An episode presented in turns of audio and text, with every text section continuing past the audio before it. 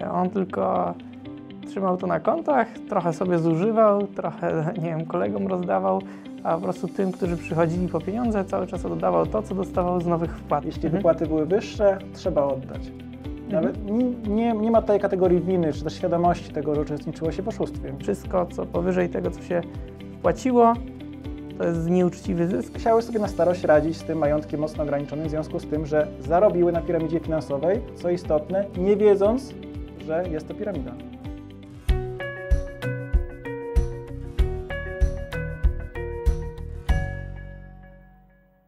Dzień dobry, witamy Państwa na kanale Grupy Kapitałowej Immobile. Państwa moim gościem jest dziś Piotr Kulesa, analityk grupy. Dzień dobry. Dziś temat nietypowy, mianowicie porozmawiamy o serialu, serialu Netflixa Madoff, potwór z Wall Street. To jest historia największej piramidy finansowej na świecie. Mianowicie Bernard Madoff był gwiazdą Wall Street, a zmarł w więzieniu odsiadując wyrok e, 150 lat pozbawienia wolności. Kwota, którą zainwestowano w piramidę to 65 miliardów dolarów. Porozmawiamy o mechanizmie tego oszustwa, ale przede wszystkim o tym, co się stało później, kiedy ujawniono, że te pieniądze zostały sprzeniewierzone, że wcale do inwestycji nie dochodziło. Piotrze, Ciebie zainteresował wątek odzyskiwania pieniędzy przez e, syndyka. Czy uważasz, że jego no, niebanalne, wręcz no, takie bezwzględne zachowanie powinno być też stosowane w przypadku innych oszustw finansowych, także w Polsce? Ja bym może zaczął nie od jego metod, ale od jego skuteczności, czy też w ogóle samego skuteczności odzyskiwania tych pieniędzy dla poszkodowanych, bo e, no, w Polsce wiele afer mógłbym wymienić. W większości albo poszkodowani nie dostali nic, albo jakieś szczątkowe kilka procent wartości swoich inwestycji, może 10-20 to już jest tak super, tak? Okej, to to powiedzmy... odzyskują. A tam, ale moment, daj, daj, daj mi skończyć, przepraszam, bo tam jak, jak w ogóle się słyszy, że taka wielka afera, największa na świecie i tak dalej, ja byłem zaskoczony, jak pierwszy raz usłyszałem, że ponad 50%, bo wtedy to było w trakcie jeszcze, ponad 50% już wtedy odzyskano dla poszkodowanych, a w tej chwili, jak sprawdzałem, to 88% wartości wpłaconych e, tych pieniędzy poszkodowanych odzyskano, oczywiście dla tych, których roszczenie uznano, bo tam nie wszystkich uznano za poszkodowanych, niektórzy stracili całość, tak? No dobrze, jak ten syndyk, czyli Irving Picard, e, doszedł do tego, że tyle pieniędzy, które wprowadzono do piramidy, udało się odzyskać? Znaczy tam e, obowiązuje taka zasada, że w przypadku piramid finansowych, czyli jeśli coś jest uznane za piramidę, a nie takie zwykłe oszustwo, czyli tutaj, że ktoś, że tylko wypłaty dla tych, którzy zyskiwali, pochodziły tylko z wpłat kolejnych osób, tak? No to u nich jest akurat na, e, na ten rodzaj oszustwa jest taki no, dosyć twarde prawo, że nie wolno na tym zarobić, tak? Że wszystko, co powyżej tego, co się wpłaciło, to jest nieuczciwy zysk, więc e, to zostanie odebrane. Czy tam można to odebrać tym, To którzy jeszcze- zyskali. To, to prawda, jeszcze doprecyzuję. Proszę Państwa, syndyk ścigał każdego, kto wpłacił e, pieniądze i wypłacił więcej. Czyli jeszcze Mhm. raz, kto wypłacił z więcej niż, więcej niż wpłacił Tak. i sięgał po takie metody jak e, pozew, to było jego podstawowe narzędzie, czyli wysyłał na przykład do wdowy osoby, która zarobiła na piramidzie, pozew na 200 milionów dolarów. Dochodziło zazwyczaj do ugody, bo te osoby pozwane wiedziały, że no trudno będzie się obronić w sądzie w związku z tym, że tak jak mówisz, regulacje w Stanach są takie, jakie są. I mm, były przypadki, gdzie starszym ludziom pozostawiano na jakąś minimalną kwotę, minimalną jak na mm, zejście z poziomu kilkuset milionów dolarów majątku na przykład do kilku i musiały sobie na starość radzić z tym majątkiem mocno ograniczonym w związku z tym, że zarobiły na piramidzie finansowej, co istotne, nie wiedząc, że jest to piramida. No tak, ale to jest to, co już tutaj przed tym nagraniem Ci mówiłem, że no i dlaczego tamte osoby miały zyskać, skoro te osoby, które na końcu wpłaciły, no to z ich pieniędzy pochodziło to źródło tych wypłat. One też nie były świadome, przecież by nie wpłacały, gdyby były świadome, że to jest piramida. E, to dlaczego tamte miały stracić? Ostatecznie, bo tutaj był taki mechanizm, że ten, ten gość naprawdę żadnych nawet transakcji nie dokonywał, tak? E, on tylko trzymał to na kontach, trochę sobie zużywał, trochę, nie wiem, kolegom rozdawał, a po prostu tym, którzy przychodzili po pieniądze, cały czas oddawał to, co dostawał z nowych wpłat. Tak, ale większość trzymała na rachunku.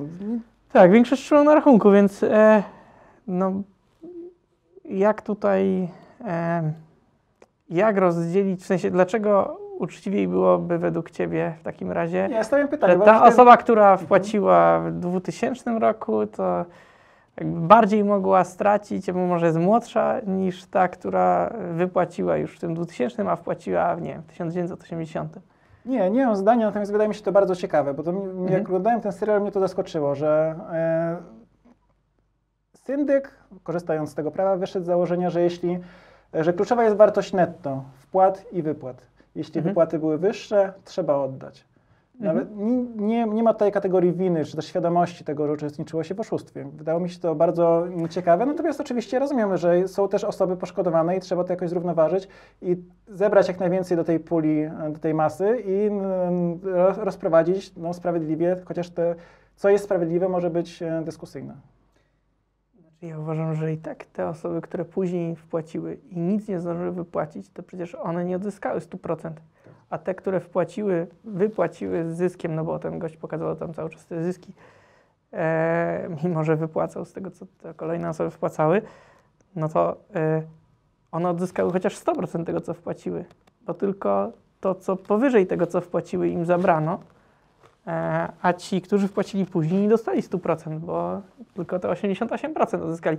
Ja jestem pełen podziwu dla ich systemu, że tam już dwa lata po, e, po wybuchu tej afery około 50% dla tych poszkodowanych, którzy nic nie dostali wcześniej, którzy właśnie nie zdążyli wypłacić, już odzyskano, a dzisiaj już tam, już jest e, 15 lat prawie po wybuchu tej afery, to 88% odzyskano dla tych poszkodowanych, bo w Polsce, e, no tak jak mówiłem, to jest kilka procent zwykle, tak? Kilkadziesiąt może. E, I zresztą skazano gość już, gość już zmarł, tak? Ale skazano go, zdaje się, 7 lat po, a w sumie nie tak wcześnie. No ale w Polsce mamy e, też afery, w których e, albo się skazuje bardzo późno, albo się nigdy nie skazuje, tylko się trzyma w areszcie, bo to medialnie zawsze można się pochwalić, e, że kogoś zamknięto. W jakiś sposób em, zaskakujące jest to, że mechanizm tego oszustwa no, był bardzo mało wyrafinowany. To była taka sama piramida jak 150 lat temu. E, kuszono ludzi wysokim zyskiem, transakcje były nierealizowane, tylko tak jak powiedziałeś, była, było możliwe, że ten system trwał, bo było więcej em, wpłat niż, niż wypłat. Tutaj w tym serialu jest kilka takich anegdotek, e, jak to wyglądało od zaplecza, mianowicie klient, który chciał wypłacić pieniądze z funduszu, poczekał, e, czekał na przykład aż tę mm, transakcję, ten dowód e, sprzedaży udziałów zostanie mu wygenerowany. Generalnie tworzono to na zapleczu, a kiedy jak przyszedł na przykład audytor i trzeba było całą księgę wydrukować, drukowano mm, na gorąco, dosłownie, bo plik kartek był tak ciepły, że trzeba było go wsadzić do lodówki. To są takie anegdoty, jak to jest w ogóle możliwe, że amerykański nadzór tak, tak zaspał i mm, myślał, że Madoff to taka gwiazda, która w przeciwieństwie do innych potrafi ten zysk uzyskać no, tak wysoki i też uzyskać ten zysk także w warunkach bez, bo okazywało się, przynajmniej według Madoffa, że zawsze jak był krach na rynku, to Bernard Madoff akcje sprzedawał dzień wcześniej. Znaczy nie wiem, jak to się im udało tak długo tego nie zbadać, tym bardziej, że były osoby, które donosiły na niego wiele lat przed wybuchem tej afery.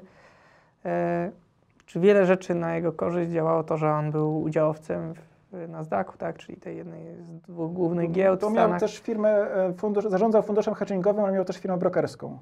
Tak, więc powiedzmy, i on tam był jednym z głównych udziałowców, bo tam powyżej 10% miał, więc, e, więc powiedzmy, że miał taki dodatkowy kredyt zaufania, a na niczym małym go nie przyłapano, więc wszyscy uważali, że, że, że no, to jest niemożliwe, że on może takie oszustwo, któremu mu zarzucano, e, że mógł tego dokonać. Znaczy inna sprawa, że no nie wiadomo, tak, no, Często tak jest, że długo trwa, a później nagle wybucha. Tak, były artykuły też w prasie. Madoff na szczycie, sceptycy pytają jak. SEC otrzymywał kolejne listy, że to jest w ogóle niemożliwe, bo Madoff tłumaczy, że zarabia pieniądze na opcjach, a okazywało się, że ta giełda, na której rzekomo tymi op- opcjami handlował, miała niższy obrót niż on wykazywał, więc to było... Tak, pytanie, czemu w takich momentach nie, nie, było, nie były badane te doniesienia. Jestem, znaczy, nie mam tutaj wiedzy na ten temat, zresztą ani w tym serialu, ani gdzieś tam w publicznie dostępnych Że też nie, te, nie było te tłumaczone. relacje osobiste na, na, te- na tych amerykańskich szczytach finansowych miały znaczenie, bo to jednak tam... Tak, że nikt tego nie sprawdził, bo gdyby ktoś to sprawdził, to rzeczywiście z dzisiejszej perspektywy się wydaje oczywiste, że dużo wcześniej dało się to wykryć, tak? Czy ten serial Cię wciągnął? Polecasz? Czy tam przy- Nieumiarkowanie. Jeśli chcesz powiedzieć, że nie do końca, to po prostu czuj się tutaj wolny. Tak, że nie, nie, nieumiarkowanie. Generalnie uważam, że sama właśnie skuteczność. Jest, jestem, może sam serial to tam serialem, ale bardziej właśnie przeczytanie o tym, jak tam się odbywa sprzątanie, powiedzmy, po takiej aferze i że to wszystko bardzo szybko e, działa, tak? Bardzo wszystko się dzieje. W stosunku do Polski to, to jest dla mnie tutaj tym, co, e, tym, co robi wrażenie i polecam o tym poczytać, e, niż, e, niż obejrzeć sam serial, bo jest bardziej emocjonalny niż tam gdzieś. Tak, ale dla mnie były dwa Mhm. wątki ciekawe, ten, o którym mówisz, czyli działalność syndyka i drugi, jak się zastanowić, mm, co się wydarzyło w życiu rodzinnym Bernarda Madoffa, czyli sam Madoff faktycznie przez dekady pławił się w luksusie, natomiast e, zmarł w więzieniu. Dwoje synów nie żyje, jeden popełnił samobójstwo, drugi miał remisję nowotworu. Synowa też pozbawiona właściwie wszystkich środków do życia, czeka na jakieś tam resztki, ale raczej nic nie odzyska. E, Wdowa e, też e, zostawiono jej bodajże półtora miliona dolarów, co w tych warunkach amerykańskich. dwa i pół nawet. Tak. Czyli uważam, że to nie jest tak mało swoją drogą. I tak nie, uważam, że powinna się cieszyć, że jej zostawiono to tak. Chyba, że miał jakieś inne źródło dochodu. Bo, e, Brat też jest, e, Mhm. też trafił do więzienia. No generalnie mm, cała ta historia to w tej rodzinie em, no, trwały ślad pozostawiła, no to już na zawsze. Serial nie polecamy? Raczej nie. Polecamy, e, po, Polecamy poczytać. poczytać o, o, historii Bernarda historii. Madoffa i działalności syndyka Irwina Picarda, który był niezwykle skuteczny. I uważam o tym prawie dotyczących piramid finansowych, bo uważam, że warto byłoby to skopiować u nas. e, Bo uważam, że jest słuszna regulacja. I wracamy do tego, co, o czym często mówimy na kanale. Jeśli ktoś oferuje gwarantowane wysokie zyski, to należy wyjść, się rozłączyć się, odłączyć kabel od internetu.